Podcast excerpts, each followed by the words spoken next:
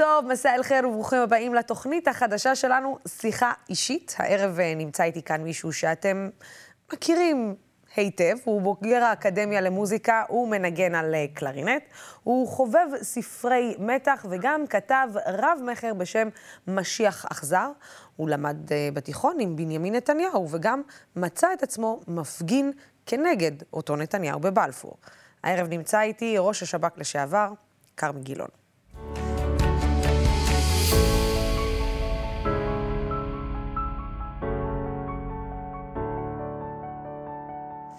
ערב טוב. ערב מצוין. אז אמ, בוא רגע נתחיל בכלל עם הקלרינט.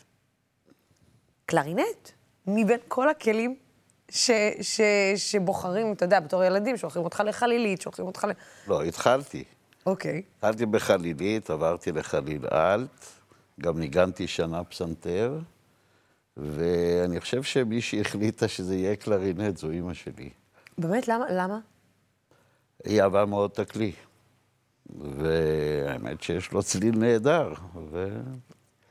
אז עוד כשהייתי ילד קטן, התחלתי ללמוד נגינה. התחלתי לנגן קלרינט בגיל תשע. אה, עד שמונה עשרה עשיתי תעודת בגרות במוזיקה, באקדמיה למוזיקה בירושלים, אבל אז נטשתי את הקלרינט, נשארתי חובב מושבע של מוזיקה קלאסית, אבל הגעתי למסקנה שיש נגנים הרבה הרבה יותר טובים. טובים ממך. ודווקא אדם שאוהב כל כך הרבה מוזיקה, מוצא את עצמו במסלול חיים, אפשר להגיד, שונה, בלתי צפוי. שונה לחלוטין מהעולם המוזיקלי. אפשר, אפשר להגיד שיש אולי משהו מהעולם המוזיקלי, במיוחד במוזיקה קלאסית, שיש פרקים והתפתחויות, ו, ו, אבל זה שונה לחלוטין. אין שום קשר בין הרקע שלי למקום שהגעתי אליו, וגם הגעתי אליו באופן מקרי לגמרי. מה שהתאים לרקע שלי זה להתחיל ללמוד באוניברסיטה העברית. וכשהייתי בשנה שנייה, ישבנו בקפיטריה, זה עוד היה בגבעת רם, עוד לפני הר הצופים, והגיע אח של חבר שלנו, הצטרף לאח מבוגר יותר, הצטרף ל... ישבנו חבורה מסביב שולחן, ושאל אם יש מישהו שרוצה לעבוד במשרד הביטחון. והיחיד שענה לו, כן, זה הייתי אני. היתר היו כנראה, אה, חש, חשבו אחרת על הקריירה העתידית שלהם, ובאמת מאוד הצליחו. וכשאתה חושב, אתה אומר, כן, אתה מבין בכלל לאן אתה לא, נכנס? לא היה לי, כמובן שב"כ, או אז ש"ב, אסור היה להגיד את זה בכלל. במשך שלושה חודשים הייתי בתהליך של בדיקות ביטחוניות, עד שבכלל אפשר היה לגלות לי אה, לאן אני מיועד. ואז אה, הכל, השב"כ היום כבר אה, שם הודעות במדור דרושים, אבל בזמנו זה היה חבר מביא חבר.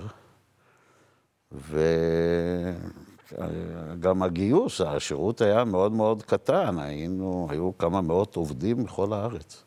אני מדבר על שנת 71, ש- סוף בעצם כבר 72. בעצם אתה נמצא בתקופה גם שהמדינה למודת מהפכים, למודת אה, גם מלחמות, וכשאתה מתיישב פעם ראשונה על הכיסא הזה של הש"ב בתקופתו, ואתה מתמודד מול האתגר הביטחוני הראשון שאתה צריך להתמודד איתו, כראש שב"כ או כעובד שב"כ? כעובד שב"כ. יש- אתה אומר... התחלתי כאיש אבטחה, ממש מלמטה. אה, האתגרים הראשונים היו, זו תקופה, אני הייתי משוייך לאבטחה בחוץ לארץ. ואז היו פיגועים בחו"ל, זה היה פיגוע במינכן, ולאחר מכן השתלטו על השגרירות בבנקוק. אה, היה חשש לפיגועים בבתי ספר. אז אה, ההתמודדות מול פיגועים. אה, אני המשכתי באגף אבטחה עוד זמן לא רב, או כמה שנים, ב-78' מצאתי עצמי בטהרן, ערב ההפיכה של אה, חומני, ושם עברתי את אחד הרגעים הכי מפחידים בחיי. זה היה בהפגנת האשורה בשדרות פהלוי, היום כמובן זה נקרא אחרת, פהלוי זה ישר. כן. והם פרצו, ההמונים המשולהבים שמכים את עצמם, כמו עדר פילים, פרצו לתוך אה, משרד אל על שהיה שם בשדרה. היינו שם מאבטחים חמושים, אבל אין לך מה לעשות עם אקדח מול... אה, המון משולהב. המון משולהב. אה, אני הייתי קצין הביטחון, כלומר, הדבר הכי חכם שיכולנו לעשות אז זה פשוט להימלט דרך הגגות. וזה מה שעשינו. את המבנה שרפו עד היסוד, כן, ובזאת נסגרה תחנת אל על בטהרן. וכשאתה בעצם אה, אה, חוזר אחרי, אחרי חוויה כזאת, שבו אתה מבין שיש מצב שהיית יכול לאבד את חייך בדבר הזה, זה נותן לך drive עוד יותר גדול להמשיך בדרך, או שאתה יושב רגע שנייה ואומר לעצמך, בשביל מה אני צריך את הדבר הזה? אני אאכזב אותך. אני מאוד אנליטי, אני מאוד קר במצבים האלה. ואני לא הופך, אה, אני מתייחס לזה כאל אירוע שצריך להפיק ממנו לקחים מקצועיים, לא לקחים אישיים. אה, אני יכול לקחת אותך לרגע טראומטי אחר שהוא כן, אה, הוא כן השפיע עליי לשנים רבות קדימה, וזו מלחמת יום הכיפורים. תחושת האפסות שיורדים עליך מטוסים ואתה יורה עליהם בעוזי. ואז הבנתי מה זו מלחמת קיום, ומלחמת יום הכיפורים הייתה מלחמת קיום. וזה, דווקא שם, שלא הייתה לי איזושהי אחריות כבדה מדי או משהו כזה, דווקא שם אה, עברתי מהפך מחשבתי ורגשי בכל מה שקשור למדינת ישראל. מאיזה בחינה? תראי, אני בדור שב-67' הייתי אומנם תלמיד שמינית, אבל אה, אחרי מלחמת ששת הימים אה, פשטה תרבות של אני ואפסי עוד, הישראלים, הם המאצ'ואים של העולם, אף אחד לא יכול לפגוע בנו. אה, במידה רבה של צדק, אם מסתכלים על תוצאות המלחמה, אבל הנזק שזה גרם למדינת ישראל, ושהסתיים למעשה בבומבה לפרצוף שקיבלנו מלחמת יום הכיפורים. כל היהירות והנהנתנות הזו, אצלי לפחות, הרגשתי אחרי מלחמת יום הכיפורים, והייתי עוד חצי שנה במילואים, אחרי המלחמה, כמו שקית ניילון ריקה כזאת. תסתכל היטב מי אתה, מה אתה, איפה אתה חי. אה, ותבין שישראל היא לא עם לבדד ישכון, עכשיו שומעים את זה הרבה, דווקא בתחום האקטואלי. כן. אני את מלחמת יום הכיפורים סיימתי במדים, לבוש במדים אמריקאים, אוכל מנות קרב אמריקאיות, יורה פגזים אמריקאים, כשבאמצע המלחמה עמדנו במדבר, קרוב לתעלת סואץ, בלי כלום. לא היה לנו נשק, לא היה לנו אוכל, לא, המדים שלנו היו קרועים ומסריחים. וסיימתי את המלחמה בצד השני של תעלת סואץ, בצד המערבי שלה. אה, תודות לרכבת האווירית האמריקאית. אז כשאני שומע היום את כל הקשקשנים שאין לנו אלא לסמוך רק על עצמנו, אז אני מזכיר לכל מי שעוד רוצה להקשיב לי, שבעצם מדינת ישראל קיימת בזכות אומות העולם. החל מהחלטת האו"ם, המשך בהקמתה בעצם של המדינה. אומרים, יש שמועות שיש לנו כור בדימונה, זה כור צרפתי, קיבלנו אותו מצרפת, לא, לא, פיתה, לא המצאנו אותו בעצמנו. אבל אתה לא חושב שהמאזן קצת השתנה? זאת אומרת, אה, אומות העולם של פעם ואיך שהן, וה... בוא נגיד, הפרספקטיבה שלהן, גם על המזרח התיכון, האינטרסים שלהן השתנו במהלך השנים. ראינו עד לפני כמה חודשים את אה, ארצות הברית ב... בשנייה וחצי עוזבת את אפגניסטן ופשוט שמה מאחור אנשים שסמכו עליה במיליון אחוז ופשוט לא מסתכלת אחורה. ואנחנו רואים את מעמדה של ארצות הברית שהולך ופוחת גם באזור, זה התחיל עוד מהימים של אובמה, שאמר, אני לא רוצה חיילים שלי על הקרקע בשום מקום. המשיך אחר כך בטראמפ עוד קצת, ואחר כך ממשיך גם בתקופת uh, ביידן כרגע. אתה לא באמת חושב שלאור האירועים ולאור מה שאנחנו רואים גם עם אוקראינה, ואת העולם רגע שנייה, או לוקח שנייה את הזמן, עם, עם רגע באמת להתערב ולשנות את מאזן הכוחות בין רוסיה לאוקראינה, אתה לא חושב שאולי באמת יש משהו בדבר הזה של אנחנו כן צריכים לסמוך רק על עצמנו בשעת השין? אה, קודם כל, אני בעד לסמוך על עצמנו תמיד, כן? כפי שאני רוצה לסמוך על עצמי כיחיד, כפרט, או כאב משפחה.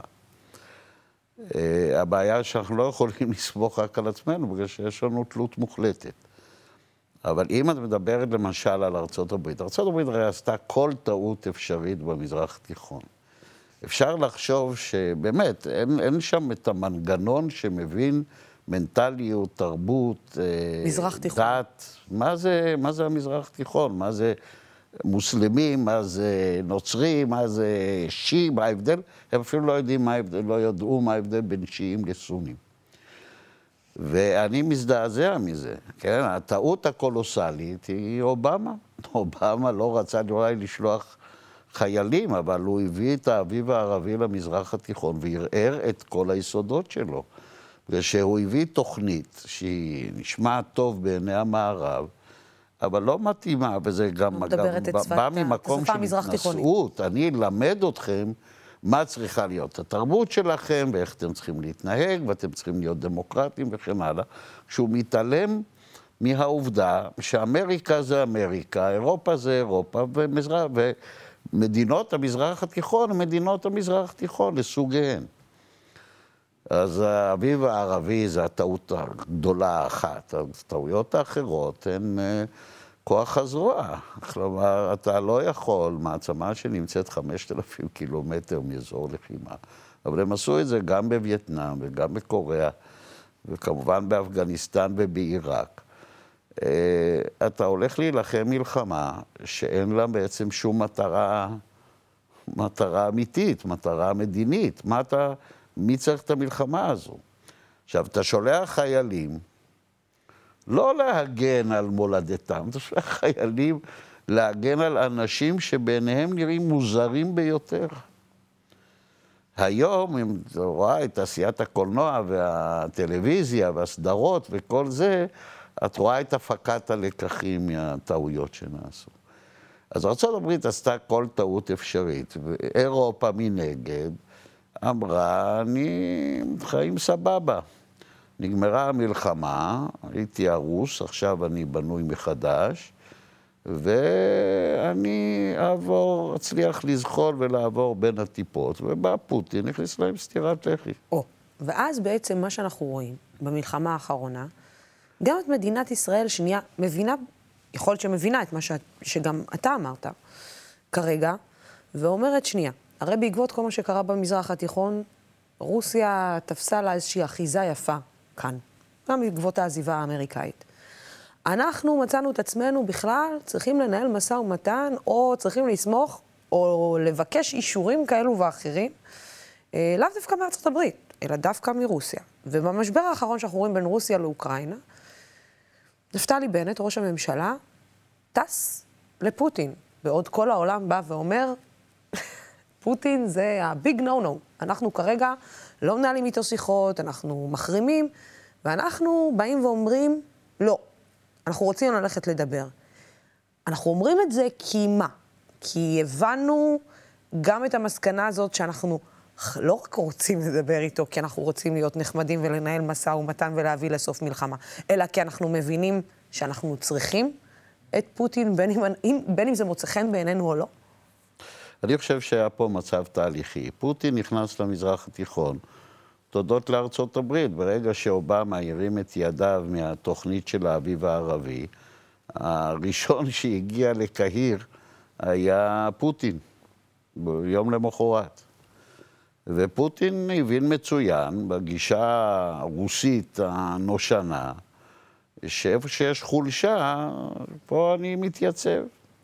עכשיו, אין לו אינטרסים במצרים, גם מצרים בכל זאת נשארה פרו-מערבית, והסיסי עשה מהפכה נגדית וכל זה. אבל uh, סוריה היא כן חשובה לו. לעיראק הוא לא נכנס. הוא מבין שזה מלחמה בין שיעים וסונים, והוא יצא משם כמו שרוסיה יצאה מאפגניסטן. לא כדאי לו להיכנס לשם. אז אה, סוריה, יש לו אינטרסים, אז הוא שם. עכשיו, תראי, ברור שלישראל, בוודאי ברמה הטקטית, סוריה, אה, רוסיה מאוד חשובה, בגלל שסוריה זה איום ישיר על הגבול שלנו. תוסיפי את העובדה שישראל בעצם נושאת היום ביחד עם איחוד האמירויות, ובעצם אה, נקרא לזה ארצות המפרץ, שחלק זה בגלוי וחלק שלא בגלוי, אה, הם עומדים בחזית מול איראן, הם מפחדים, כולל אנחנו, אנחנו מפחדים מאיראן. וסוריה הפכה להיות פשוט השדה קרב. מסדרון... אה, כן. אז יש בהחלט צדק בגישה, צריך לשמור יחסים עם פוטין. לחלק השני של השאלה, שנוגע לניסיונות תיווך של בנט, אני חושב שקרה פה תהליך שהוא נבנה מעצמו. הרי אף אחד לא פרגן לבנט כשהוא הלך, נסע לפוטין או דיבר עם פוטין, כולם חשבו שזה משחק לתועלת עצמית. בפועל קרה פה דבר מאוד מעניין, מסתבר שבלינקן מאוד רוצה, או אמריקה מעוניינת מאוד שיהיה מישהו שיכול לדבר עם פוטין אחרי שהוא זרק את מקרון. והקנצלר הגרמני בא בזמן שברור שמבטלים ביקורים, ובכל זאת עושה את הביקור שלו פה, קצר, תמציתי, ופתאום בנט מצא את עצמו, אני לא יודע אם הוא כיוון לזה, מצא את עצמו בתור היחיד, המנהיג המערבי היחיד שמדבר עם פוטין. אז אם את שואלת את זה, האם, שואלת אותי אם זה לטובת העניין, ברור שזה לטובת העניין. טובת העניין שהמלחמה הזו תיפסק, שהשמדת האזרחים באוקראינה, ובאמת, האסון ההומניטרי שהתרגש על המדינה הזו, ייפסק, יעצור. אז איך אפשר, למה לבוא בביקורת על בנט, שהוא מנסה, גם אם הסיכוי קלוש, אבל הוא לפחות מנסה. תראי לי מנהיג מערבי אחר שמנסה.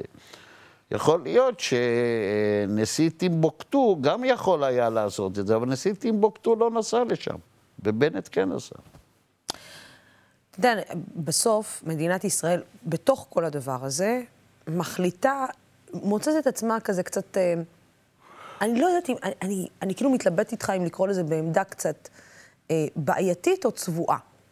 זאת אומרת, אה, מצד אחד אנחנו רוצים לעזור לפתור את המלחמה. אה, ראש הממשלה שלנו נוסע ומנסה לתווך בין הצדדים, ומצד שני, אנחנו לא ממהרים לפתוח את הגבולות שלנו. זאת אומרת, אנחנו לא ממהרים לקבל בידיים פתוחות דווקא מדינת ישראל, שקמה גם הרבה בעקבות כל מה שקרה באירופה ובמלחמת העולם השנייה, לא ממהרת לקלוט אנשים ולהגיד, אוקיי, זה הזמן שלי באמת להראות שאני למדתי מההיסטוריה. שההיסטוריה בעצם, הנה, זה, זה אני, זה גם אני. אני קודם כל רוצה לשים סימן קריאה בשאלה שלך. מדינת ישראל קמה בגלל השואה, נקודה. אם לא הייתה שואה, יכול להיות שהייתה קמה בשנות ה-80. ב-48' היא קמה בגלל השואה, בגלל שמדינות העולם החליטו שהיהודים צריכים בית לאומי. אחרת היא לא הייתה קמה, בערך לא ב-48'. אז נתחיל מזה, ועל זה צריך לשים סימן קריאה. והניצולים היהודים, רבים מהם חייבים את חייהם, והם כך מרגישים עד היום, וגם מדינת ישראל הרגישה עד היום, דווקא ללא יהודים שהצילו אותם. כמה אנחנו מתגאים בשדרת חסידי אומות העולם, וכמה אירועים וטקסים, וזה אנחנו עושים כדי לדבר על כך. והדבר השלישי זו הרשעות. אין הגדרה אחרת למדיניות של שרת הפנים. זה מקום, זה בא ממקום שא', שכחת את ההיסטוריה, ב', שכחת שמדינת ישראל צריכה להמשיך לחיות בין אומות העולם גם בעתיד, ובתווך נמצאת רשעות, רוע. אנשים מחפשים מקלט. מה זה יהודים ייכנסו, זכות השבות, ובנט אשם לא פחות ממנה. איך יהודים יכולים להכריז הכרזה שכזו? נניח היו עושים את זה בטריקים. לקחת כופר, מה זה פה, נומרוס קלאוזוס?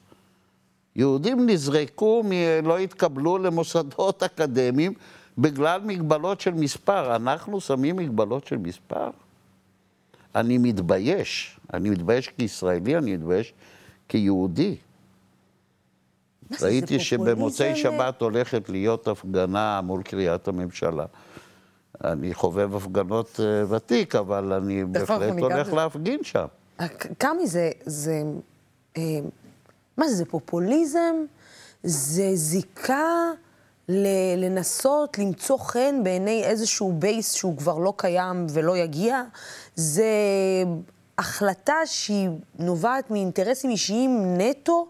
מה, מה יכול... זאת אומרת, למה הגענו למצב שבו באמת הלב והמדינה לא נפתח לתמונות של ילדים חסרי ישע. אנחנו כן רואים ישראלים, כי אנחנו נפריד בין המדינה לישראלים. אה, זה, אה, כי ישראלים יודעים... כבר שנים המזל של המדינה הזו... זה האנשים שלה. זה האנשים שלה ולא ההנהגה שלה. אה, אז אנחנו נפריד בין זה לזה, כי יש הרבה מאוד ישראלים שעוזרים ו- ומושיטים יד, הרבה, ופותחים הרבה. את הלב, ופותחים את הכיס, ופותחים את הנשמה. אבל מה זה?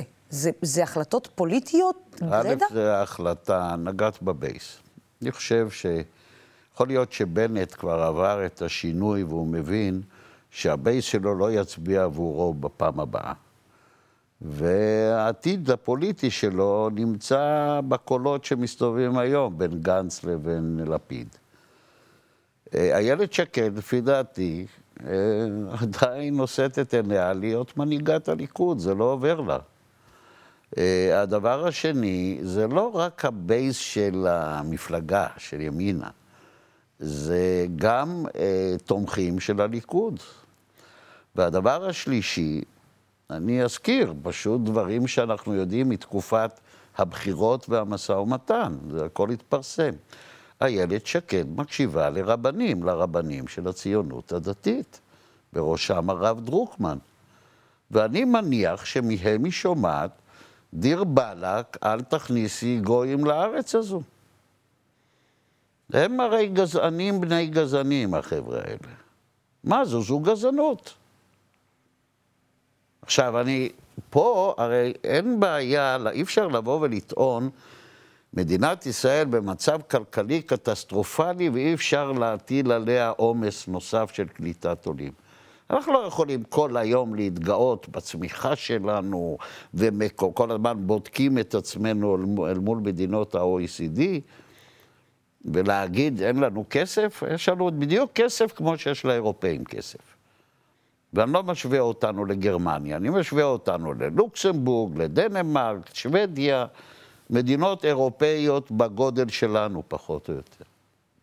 זה, ומצד שני, אני מנסה לחשוב, אמ, תבוא תגיד איילת שקד, תראה, אה, אם אנחנו פותחים את המדינה ללא יהודים, אז uh, בעצם מה הבעיה שלנו עם הפליטים שנמצאים פה, שאנחנו, הנה, עדיין בבעיה איתם, אני שמה את זה במרכאות. Uh, למה אנחנו בעצם לא פותחים את השערים כלפי פליטים שמגיעים מאתיופיה, עם המלחמה שמתקיימת כרגע באתיופיה? את ולמה רוצה, לא פתחנו את השערים... את מעצבנת אותי עכשיו. את לוקחת אנשים שבאו לחפש עבודה, נקודה. מסודאן ברחו בגלל מלחמה. אבל, אבל פה מתנהלת מלחמה. הבתים שלהם נהרסו. וגם באתיופיה היום מתנהלת מלחמה. ומאוד קשה להעלות את ה... את, את ה אפילו שארית העולים היהודים שקיים, אה, שנמצאים אה, באתיופיה. אני לא יודע למה. אני שואל אותך, מה זה יפריע? מדינה הזו, יש בה תשעה מיליון תושבים. המדינה הזו ממילא מייבאת ידיים עובדות. כמה, מי זה החקלאות של ישראל? רק תאילנדים, עשרות אלפי תאילנדים עובדים פה. מי זה, מי בונה לנו את הכבישים והמחלפים? סינים. שוב, עשרות אלפים. מה, אנחנו... זה בסדר וזה לא בסדר? אתה חושב שהיינו צריכים לנהוג כך גם בעניין הסורי? זאת אומרת, במלחמה שהייתה בסוריה והיו הרבה מאוד פליטים שמצאו את עצמם מחוץ לסוריה? תראי, סוריה זה בעיה אחרת, בגלל שכאן נוצרת בעיה דתית, נוצר מתח דתי. take it or leave it. אני מכיר היטב את המגזר הערבי בישראל.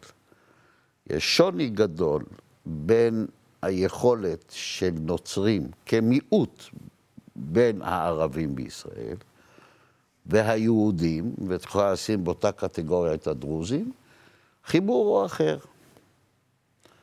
האסלאם, בוודאי האסלאם שמקצין והולך לצערנו.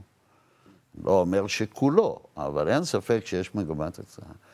יוצר בעיה אינהרנטית פה בישראל. זה לגבי קליטה מסוריה. אבל אוקראינה, יש דבר אחר. אני למשל הגשתי הצעה.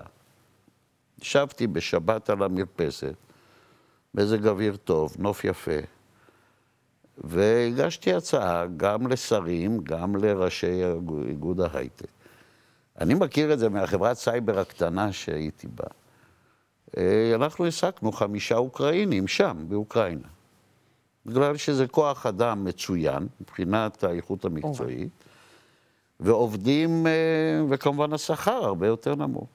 עכשיו, יש מחסור אדיר בעובדי הייטק. אז אלפים של אוקראינים עובדים כיום, או עבדו עד המלחמה, בתעשיית ההייטק הישראלית. ואז אמרתי, הרי אתה מביא פליט, אז אתה, הוא אדם פגוע, הוא אדם... אבל אם אתה מביא פליט ואומר, אני מבטיח לראש המשפחה עבודה, תהיה לך פרנסה. תביא את הוריך, תביא את ילדיך, תביא את בן בת זוגך, ותחיה פה בישראל. נשכן אותך במרכזי הקליטה שהיום ריקים מאדם, כשאין עולים. ולבסוף תבוא הממשלה, תיתן לך אשרת עבודה, תיתן לך ביטוח בריאות ממלכתי, תיתן לך ביטוח לאומי, ותחיה פה חיים מכובדים. אתה לא תהיה, אתה תהיה פליט, אתה תתגעגע הביתה, אתה תרצה לחזור אולי לאוקראינה, אני מניח שהם ירצו לחזור לאוקראינה, אבל בינתיים אתה תפרנס את עצמך. יהיה לך, יהיה לך אופק. היום היה לי קשה מאוד. אני החלטתי שאני הולך עם זה ראש בקיר. והיום מתחילים לראות תוצאות. את יודעת למה? יש לחברות ההייטק הישראליות אינטרס כלכלי, אינטרס עסקי. העבודה אצלם נעצרת, חסר להם את העובדים.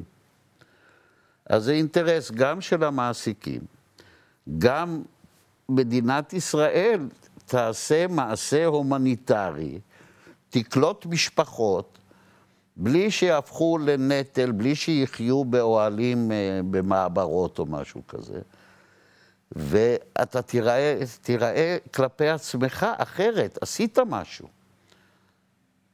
ובוודאי שצריך לקלוט על בסיס הומניטרי. מראים לנו בטלוויזיה, הגיעה אה, חולה בסרטן השד, הגיעה לזה, ועוד ביקשו ממנה על הדרך, כן, היא על אלונקה, אה, תפקידי עשרת אלפים שקל אה, ערבון. אתם כבר עושים משהו בסדר, אז תעשו אותו בסדר. מה זה הדבר המגוחך הזה? עשרת אלפים שקל במדינה שהשכר הממוצע בה הוא כבר מעבר לזה? אני רוצה לקחת אותך, ל... אתה התחלת לגעת בזה בקרבה של איילת שקד עם הרבנים. אני רוצה להראות לך קטע מהסדרה שומרי הסף, שבו דיברת לגבי ההתנחלויות. בואו נראה את זה ו... ונדבר. כל ההתנחלויות הראשונות, שבי שומרון או סבסטיה, אלון מורה, בית אל, עופרה, שילה, כולם הוקמו כהתנחלויות לא חוקיות, בכיסוי כזה או אחר. והדרג המדיני קרץ. פעם קראו לדרג המדיני שמעון פרס כשהוא היה שר ביטחון בממשלתו של רבין, בסיפור ההתנחלות בסבסטיה. בהמשך, אם זה אריק שרון עם אה, ממשלות אה, אחרות.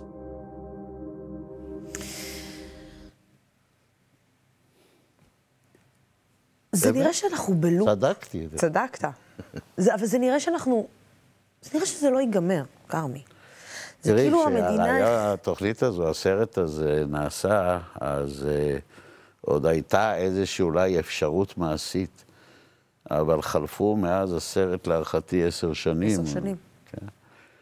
עוד עשר שנים, עוד כמה עשרות אלפי תושבים יהודים וזה, מתנחלים. Uh, uh, בעצם ההתנחלויות הן סיפור הצלחה ענק. של מי? של המדינה? לא. סיפור הצלחה ענק של אלה שמאמינים בארץ ישראל השלמה. הם העמידו את, הסיטו, את המציאות ככזו, שאם, אה, ואני מזכיר לך, אף ממשלה בישראל, כולל ממשלות ימין, מעולם לא סיפחה את יהודה ושומרון. Okay. אוקיי. זאת אומרת שאני יוצא מנקודת הנחה, כולל אה, שראשי הממשלה, כולל אריק שרון ובנימין נתניהו, הבינו שזה רע לישראל לספח את השטחים, אחרת הם היו עושים את זה, מי הפריע להם? מנחם בגין בטח. וכולם, יצחק שמיר, כולם היו נושאים באידיאולוגיית ימין אה, מובהקת. הם לא עשו את זה. ושזה הדבר הכי מטופש והכי אידיוטי שאפשר לעשות. מצד שני, לאף אחד לא היה את העוצמה הפוליטית והנחישות להוציא, לצאת מהשטחים. מישהו בכלל יכול לצאת היום מהשטחים? אבל זה מה שאני אומר, היום איך יוצאים מהשטחים? זה לכן אני אומר, זה סיפור ההצלחה של ההתנחלויות. אני אני, תראי, האלימות ומה שזה הפך, מה שזה עשה לחברה הישראלית, השליטה שלנו בשטחים, זה פשוט נורא ואיום. כל ההרס הזה שאנחנו מרגישים בפנים, האלימות של אחד לשני, כל התופעה, כולל אה, בבלפור, שהיא באה ממקומות של כיבוש. אני חושב שגם העניין הזה של אה, לא להכניס, אה, לא לגלות רוחב לב ולהכניס אה, פליטים מאוקראינה, איזה סוג של רשעות שנולדת, נולדה כתוצאה מהכיבוש. עכשיו, הרבה אנשים אומרים לי, אה, אתה עבדת בשב"כ וכל זה. זאת הייתה שאלה, זאת השאלה, כראש השב"כ, כמי שהיה בראש המנגנון, מה, ראית דברים שהבנת ש... עשינו טעויות על גבי טעויות כמדינה, או שהסקת מסקנות ואמרת, אוקיי, אנחנו הולכים, זה מדרון חלקלק שהוביל אותנו בסוף כנראה לחוסר פתרון של שתי מדינות, זאת אומרת, אין, זה מוט פתרון שתי המדינות, ולפי מה שאתה אומר, אנחנו בעצם עטים ורצים לכיוון מדינה דו-לאומית. הלכנו במסלול הרסני, מהיר מאוד למדינה דו-לאומית. אבל אני רוצה פה להזכיר דבר אחד. השב"כ הוא לא קובע אם מספחים את השטחים או לא משטחים, אם הכיבוש נמצא. בסרט, בשומרי הסף, מופיעים שישה ראשי שב"כ, מעמדו, מכיוונים פוליטיים שונים לגמרי, אבל כולם מדברים על כך שהכיבוש הזה הוא הרסני, לא רק מבחינה מדינית, אלא גם מבחינה חברתית. יובל דיסקין, כשהוא התראיין ב... בסרט הזה הוא עדיין היה ראש שירות מכהן, הוא עשה את ההשוואה לדבריו של ליבוביץ'. ישעיהו ליבוביץ', כן. כן. עכשיו, למה אני אומר? זה לא כדי להגן על ראשי שב"כ. ראשי שב"כ, אני מזלי התמזל, שמוניתי על ידי יצחק רבין, שהוא באמת ניסה לעשות שינוי. אבל, והוא קיבל את התמיכה הביטחונית גם מהצבא, אז הרמטכ"ל היה אהוד ברק וסגנו, ובהמשך אמנון ליפקין שחר, גם מהשב"כ וגם מהמוסד. והוביל את המדיניות עם גיבוי, אבל המחליט הוא לא ראש השב"כ. לעומת זאת, אני יודע, אני אקח למשל אה, סיפור, בתקופה של עמי אילון, כשבנימין נתניהו היה ראש ממשלה. יכול אה, עמי אילון להגיד, אסון גדול יקרה אם יפתחו את מנהרת הכותל. וראש הממשלה מחליט, דווקא כן נפתח את, אה, מנהרת הכותל, ואז יש אסון. אז את יכולה להגיד למה הוא לא התפטר. אז בוא נסתכל על המדיניות של הממשלה הזאת. אתה בעצם אומר שגם התפקיד של מנגנוני הביטחון הוא לראות את הסכנה, מתוך הניסיון של מנגנוני הביטחון, לראות את הסכנה עוד לפני שהיא קורית. אנחנו רואים את ההחלטה של הממשלה הזאת. בעצם הממשלה הזאת החליטה שאותו כיבוש שאנחנו מדברים עליו, אותו דבר שאנחנו, אותו מסלול הזה שאנחנו עכשיו כרגע אומרים שאנחנו הולכים עטים לעבר מדינה דו-לאומית, הממשלה הזאת, ש, שבאה כממשלת שינוי, מתוך אינטרסים פוליטיים, מתוך אלו שלא רוצים לעצבן צד כזה או אחר, אמרו, אנחנו בדבר הזה שהורס אותנו מבפנים, אנחנו לא רוצים לגעת. אז... טוב, אבל זה, את יודעת, הרי זה כורח פוליטי פנימי, אין לזה קשר. הממשלה הזו קמה רק לא ביבי. צודקים כל אלה שאומרים, זו ממשלת רק לא ביבי. אין שם שום דבר שמחבר את מרץ עם ימינה. אה, זה, זה לא מתחבר. מה שמחבר אותם זה להיות אלטרנטיבה, ואז איכשהו ללכת בין הטיפות. כשמה הדבר הראשון שהם החליטו במסמך היסוד של הממשלה הזו?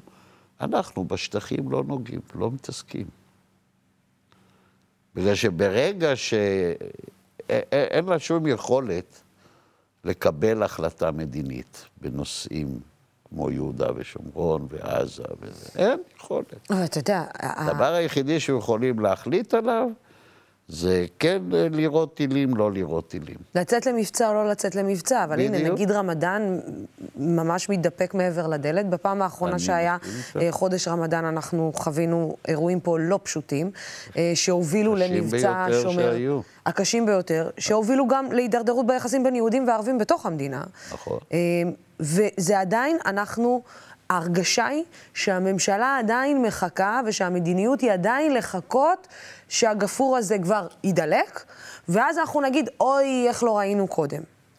תראי, אני יכול להגיד לך שאני מנצל את כל קשריי מהעבר, וזה כדי לזעוק, אה, להתריע בשער. אני מקווה מאוד שדברים קורים ושיושבים היום, מה הבעיה? באים ואומרים, מפקד מחוז ירושלים של המשטרה יחליט. הוא אולי פופאי, אבל הוא לא, אין לו את התמונה ההוליסטית. תמונה ההוליסטית יש נגיד לשר, לשר לביטחון פנים, ובתנאי שהוא מנתח את המשמעויות של הרמדאן לא רק בראייה של שוטר, אלא שוטר ושב"כ וצבא, אבל גם משרד החוץ, משרד המשפטים, משרדים כלכליים, חברתיים. הרי בסוף, אם אתה עושה את זה, חושב מראש, אז אני לא אומר שזה נותן לך ביטחון מוחלט. ברור. אבל ממה פרצו המהומות הנוראיות האלה? עכשיו, יש דבר אחד... מדבר שטותי, בוא נודה על האמת, קם מדבר שטותי. לשבת או לא לשבת על המדרגות נכון, שם. נכון, נכון. זה יהיה אחד הדברים השטותיים ביותר. אז אם אתה תשאיר את זה למפקד המחוז, שבאותו רגע הוא ראה נגיד שני שוטרים שלו חוטפים מכות, ואז קפצו לו הפיוזים, והוא אומר, תעיפו מפה את כולם. הוא לא ישב במשרדו בשקט וניסה לתכנן את זה. זה החלטות ספונטניות, ואין לי טענות למפקד המכון. אבל זה לא המנדט שלו. אין לו, אם אתה לא תגיד לו, תקשיב, תפסיק להתעסק עם שטויות. תראי, המדרגות שם זה הרי כלום לעומת הר הבית עצמו. ברור. ערבים ישראלים, או מוסלמים ישראלים, נדלקים רק במצב אחד, הר הבית. האינתיפאדה הראשונה. למרות שיכולה להגיד לך שאני לא נדלקת מזה, יש דברים אחרים שיכולים לעצבן אותי. אבל אין מה לעשות, זה, אנשים יצאו לרחובות, זה שבסוף כל מיני קרימינלים תופסים טרמפ, טרמפ. זה, יאללה חבר'ה מכות כזה, זה שטויות, המהות היא החשובה. יש דבר, אל תיגע בו. אני ארבע שנים הייתי מה שנקרא בשב"כ, ראש שב"כ צפון. בין ה- זה אומר אחריות על, אז זה היה לבנון וערביי ישראל, שלא העסיקו אותי כמעט. ואני הייתי בתפקיד הזה באינתיפאדה הראשונה. היה שקט. נכון. מוחלט. היו, היה סיוע הומניטרי, משאיות היו עוברות לג'נין להביא אוכל, ובכל מיני מקומות, אוכל, מזון, בגדים ודברים כאלה, היה סיוע. הייתה הזדהות. אבל לא הייתה אלימות. אני זוכר שכל יום אמרו לי, מחר בבוקר יהיה פיגוע של ערבים ישראלים ביהודים. בארבע השנים של האינתיפאדה בחולן, אני הייתי שם, היו שני פיגועים. אני יכולה להרשות לעצמי לשאול אותך, אז בעצם מה שאתה אומר שיכול להיות שדווקא המדיניות של מדינת ישראל היא זאת שעוד יותר הדגישה את הזהות הפלסטינית על גבי הזהות הישראלית. תראי, לי יש... אתה מבין למה אני מתכוונת? אני מבין, אבל אני, אני יודע שזה מה שחושב. בקרב ערביי ישראל, זאת אומרת. אני לא חושב כך. אני חושב שזה נכון, אתה יודע, את גם צריך לחשוב מה השכנים יגידו וזה. בוא. ערבים ישראלים הם אנשים שונים בדבר אחד מהותי, וזו הדמוקרטיה. אין דמוקרטיה בשום מדינה ערבית, וגם לא אה, ברשות הפלסטינית. אבו מאזן מודיע על בחירות, מבטל אותה, מודיע על בחירות. אין בחירות, אין, אין דמוקרטיה. המקום היחיד שערבים חיים במשטר דמוקרטי, אני לא מדבר על אלה שחיים במדינות אחרות, זה בישראל. עכשיו, דמוקרטיה זו מהות, זה לא רק זה. יכול להיות שליהודי הישראלי, הזכות להצביע בכנסת, הזכות להוציא עיתון, לכתוב ולהשמיע את דבריך, אה, ללכת לאוניברסיטה, לכל אוניברסיטה שאתה רוצה, חופש התנועה, היכולת שלך להיכנס לאוטו ולנסוע לאן שאתה רוצה. אה, עבור, וזה מאלפי שעות שיחות, עבור ערבים ישראלים זה דבר מהותי. זה לא, אצל היהודים זה goes without saying, אני נולדתי לזה. ברור.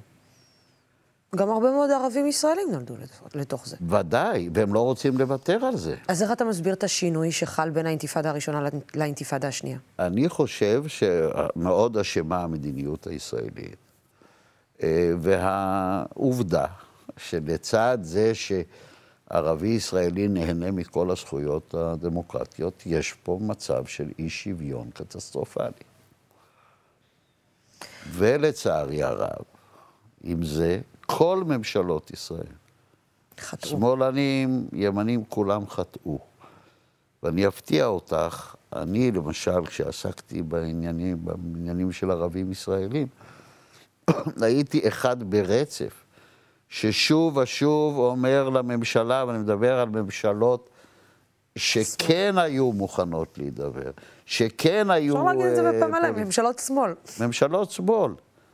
לא עשו כלום. לא עשו כלום.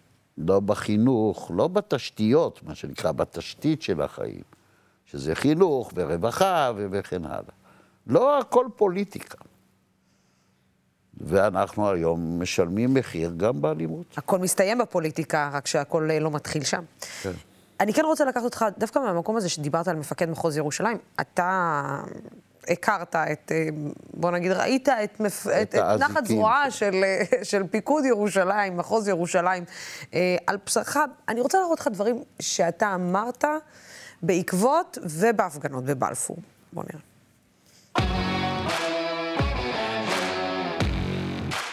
הם באו ופגעו בזכות ההפגנה שלנו, שהם דרשו מאיתנו להתפנות. שאני אומר לך, באופן הכי אחראי, לא הייתה עם זה שום בעיה אבטחתית.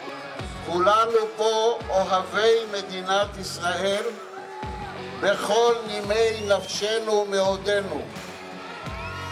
כולנו תרמנו ותורמים למדינה הזו, ואני מבקש מכולכם במשך דקה למחוא כפיים כתמיכה במערכות שלטון החוק של ישראל.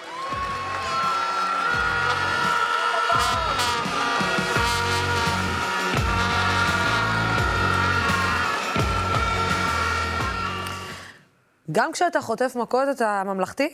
כן. למה? אין, בגלל שאין לנו מפלט אחר.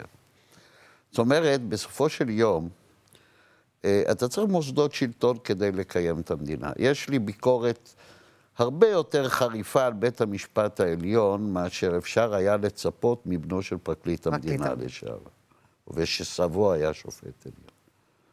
מאוד חריפה, לא רק בגלל הבג"צים שאני הפסדתי, כן, נגד ביבי. למשל הנושא של ועדת החקירה של הצוללות. כל הבריחה של בג"ץ מלעסוק בנושאים שנויים במחלוקת היא בעיניי אכזבה מאוד מאוד גדולה. על היועץ המשפטי לממשלה הקודם, מנדלבליט, אני לא סתם הלכתי להפגין בכיכר גורן כבר ב-2016. זה גם אותו בג"ץ שלא רוצה לדון בכלל בסוגיית הבנייה הלא חוקית, כן או לא, התנחלויות, כן או לא. איפה שיש בעיה פוליטית, הם בורחים מהחלטה. זו האכזבה שלי. אין פה איזשהו ניסיון שלהם לבוא וליצור נורמות אה, שהן אולי לא לרוחי, אבל לא להתחמק. יכול להיות שההחלטות הן בסוף תהיינה, גם אני אתאכזב מאוד וזה, אבל למשל, אני הייתי חלק מהבג"ץ שהפסדנו 11-0 אה, לביבי נתניהו. אז מאוד מאוד מאוד התאכזבתי, שלא נמצא ולו שופט אחד, למרות שהיו כאלה שבפסקי דין שלהם הביעו עמדות על להיות ראש ממשלה, אה, אני מזכיר שיש פה ראש ממשלה, הוא היה מועמד לראש ממשלה, שהוגש נגדו כתב אישום, כן? אז היו כאלה שאמרו, יש בעיה עם זה, אבל כשהם הצביעו, או כשהם החליטו, 11-0. מה, זה סירוס? פחד? פחד. ביבי נתניהו ערער את מעמדו, אני לא אומר ביבי נתניהו רק אה, בגלל, בתיק שלו. כן. במדינה הזו חיים הרבה מאוד אנשים שמשוכנעים ומאמינים שבית המשפט איננו מייצג אותם, איננו אובייקטיבי. זה שטוחנים להם שוב ושוב... אבל תסכים איתי שזה, הם, הם אנשים שחושבים שבית המשפט לא אובייקטיבי והוא לא מייצג אותם, זה לא משהו שבנימין נתניהו המציא. הוא- זה הוא משהו, זה את זה. סנטימנט אולי שבנימין נתניהו הרגיש שקיים בשטח, והוא הצליח להתלבש עליו. אני אומר שזה כן בנימין נתניהו מטעם אחד פשוט. כל עוד, הרי בנימין נתניהו היו לו שתי תקופות חיים, עד המשפט, ו... כלומר עד כתב האישום ולפני כתב האישום. בואו. עד כתב האישום, הוא תמיד דיבר רק טובות על בית המשפט. כן, כמו ויש שאהרן ברק שופטים אמר. בירושלים. ברגע שהוגש כתב האישום, הכל התהפך. ואז אתה עושה רצח אופי לפרקליטות המדינה ולמשטרה ולחוקרים שלך וגם לבית המשפט. עד הרגע ש... עכשיו, איפה את רואה שהוא מתהפך? ברגע שהוא מגיש, אה, ניגש לעסקת טיעון. אז פתאום, רגע, אני צריך את השופטים האלה, אז אני עושה אני סוויץ'. פונה בחזרה לאהרן ברק. ואין מה לעשות, לביבי נתניהו על חצי מהעם הזה, אולי פחות היום מחצי, יש השפעה מגית. הוא מדבר, ואנשים מקשיבים לו ומאמינים אבל אני במה לא, שהוא סתם, אומר. אני לא סתם אומרת לך שמאוד יכול להיות שזה היה סנטימנט קיים בקרב הציבור, כי אם אתה תשאל הרבה מאוד מהמזרחים, יהודים מזרחים שחיים במדינת ישראל, הם יגידו לך, אני לא מקבל, אה, אני יודע שאם אני נכנס לבית המשפט, אני לא אקבל משפט אה, שווה. ותגיד את זה לחבר'ה אתיופים, הם יגידו לך, אני לא שווה בפני החוק. תגיד את זה לחבר'ה הערבים. אני לא שווה בפני החוק, כי בסוף המספרים מדברים מי יושב בבתי הכלא, ו- ואלו פני הכלא, נקרא לזה במרכאות. אני חושבת שההתלבשות הזאת על הסנטימנט הזה אה, של נתניהו, שעבדה לו, בסוף אולי צריכה גם לגרום גם למערכת המשפט, וגם אולי גם לפרקליטות, לבוא ולהגיד, רגע, שנייה, יכול להיות שאנחנו גם לא עובדים נכון. נכון, חד משמעי. אני גדלתי ברחביה, אני מהשכונה של השופטים. חד משמעית נכון. השופטים והפרקליטות הפכו את עצמם לסוג של אליטה, מועדון סגור. אני למשל לא מבין איך עוברים לסדר היום על זה שפרקליטות המדינה לא מוכנה לעמוד מול ביקורת. אני מזכיר לך, רצו למנות, כל שרי המשפטים נכשלו בזה, מבקר, לבדוק למה תיק שוכב חמש שנים ולמה תיק... אני מדבר על המקרים הפשוטים, לא. פרקליטים הם מעל, הם מעל החוק, או מעל הביקורת הציבורית, סליחה. בבית המשפט, העניין של איזונים בבית המשפט, חד משמעית צריך. בוודאי אני חושב שצריך שבג"ץ, מה שנידון בבג"ץ, צריך ייצוג יחסי של כל האמונות והדתות בישראל. ולהבדיל מבית משפט לערעורים, שהוא בעיניי בית משפט מקצועי. וזה לא מעניין אותי אם אתה מזרחי או מערבי או ערבי או זה. אני אקח אותך לקראת סיום אה, לחברים החדשים שלך, נטפליקס. זה מפליא. אתה באמת אה, עושה בינג'ים? כאילו, אני יכולה לראות את כרמי גילון יושב בפיג'מה עושה בינג'? בטח. באמת. מה הסדרה שאתה הכי, שאתה הכי אוהב? אני אוהב מאוד את הסדרות הסקנדינביות. קודם כל, אני אוהב מתח, אני לא אוהב... אה, לא אופרות סבון. ברור, לא, לא חשבתי שאני רואה אותך לראות אופרות סבון טורקית, זה, זה נראה לי היה קצת יותר מדי הזוי. במיוחד אני אוהב סדרות אה, מתח, אה, פוליטיות. עכשיו, אני חושב שהסדרה אולי הכי טובה שראיתי הייתה בורגן. בורגן. שגם היה לי סנטימנט, בגלל שהייתי שגריר בדנמרק, אז הפוליטיקה שלהם קצת מוכרת לי. כן. אה, אבל בעיקרון, כן, אני... בכל רגע פנוי אה, לא מתבייש, ומאחר והיום אני פנסיונר, מגדל שמונה נכדים, יושב בנחת, רואה בינג'ים. מה הספר הכי טוב שכתבת, או שיכול להיות שהוא עדיין לא נכתב? תראי, אני פרסמתי עד היום ארבעה ספרים. הראשון נקרא שב"כ בין הקראים, יצא בשנת 2000, והוא עוסק הרבה מאוד בנושאים שדיברנו כן. עליהם עכשיו. אה, שהיה דווקא בסלר, יצא בהוצאת ידיעות אחרונות.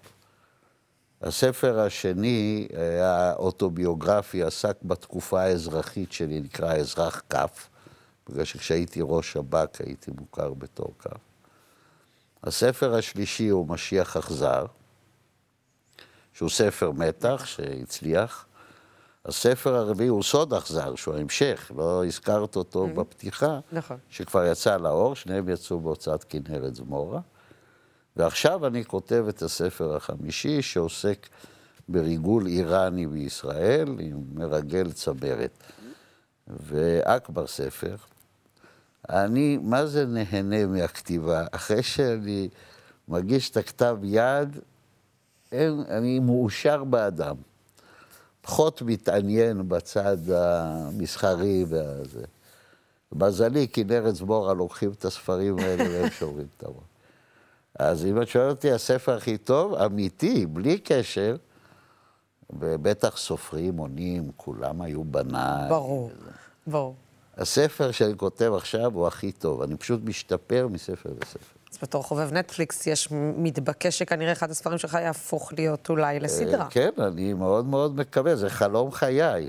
כלומר, אני מוכן מראש להודיע, אני תורם את כל הכסף, בגלל שאומרים שמנטפליקס מתעשרים, רק כדי אה, לראות את הדמויות קומות לתחייה. את הנטפליקס הזה, את הזה, ואחריו סרטו של כרמי גילאון. או הסדרה של כרמי גילאון. או הסדרה. אה, בהשראת הספר. עדיף סדרה. עדיף סדרה. בכל זאת, אתה צריך לשבת בבינג' ובפיג'מה ולראות את זה בבינג'. כן. אה, אני מצפה לקבל איזושהי דמות אה, משנה, אני לא חייבת... בסדר גמור. בקטנה. אני יכולה לשחק אחלה מרגלת, דרך אגב. אז אכבר מרגלת. כן, זה, זה, כן, אכבר מרגלת. שפות יש, אה, אה, ידע יש. יכולה להיות דווקא אחלה מרגלת. טוב. אנחנו נדבר על זה. נעבוד על זה. נעבוד על זה. נעבוד על זה. כרמי גילון, תודה רבה לך על השיחה הזאת, השיחה המרתקת הזאת. Uh, תודה רבה שהיית האורח שלי בתוכנית הראשונה שלנו, uh, החדשה. ותודה רבה לך גם שאתה שותף uh, בדמוקרט TV זה לא ברור מאליו אה, מבחינתנו. אז... אבל לכבוד לי, באמת תודה רבה. תודה רבה לך על השיחה המרתקת הזאת, וכן, הגענו לסיום התוכנית הראשונה של שיחה אישית. מדי שבוע אנחנו נהיה פה בשיחה אישית עם דמויות שונות, מגוונות בחברה הישראלית. תמשיכו לעקוב אחרינו בדמוקרט TV, הערוץ בשיתוף הציבור. עד אז, סלמת.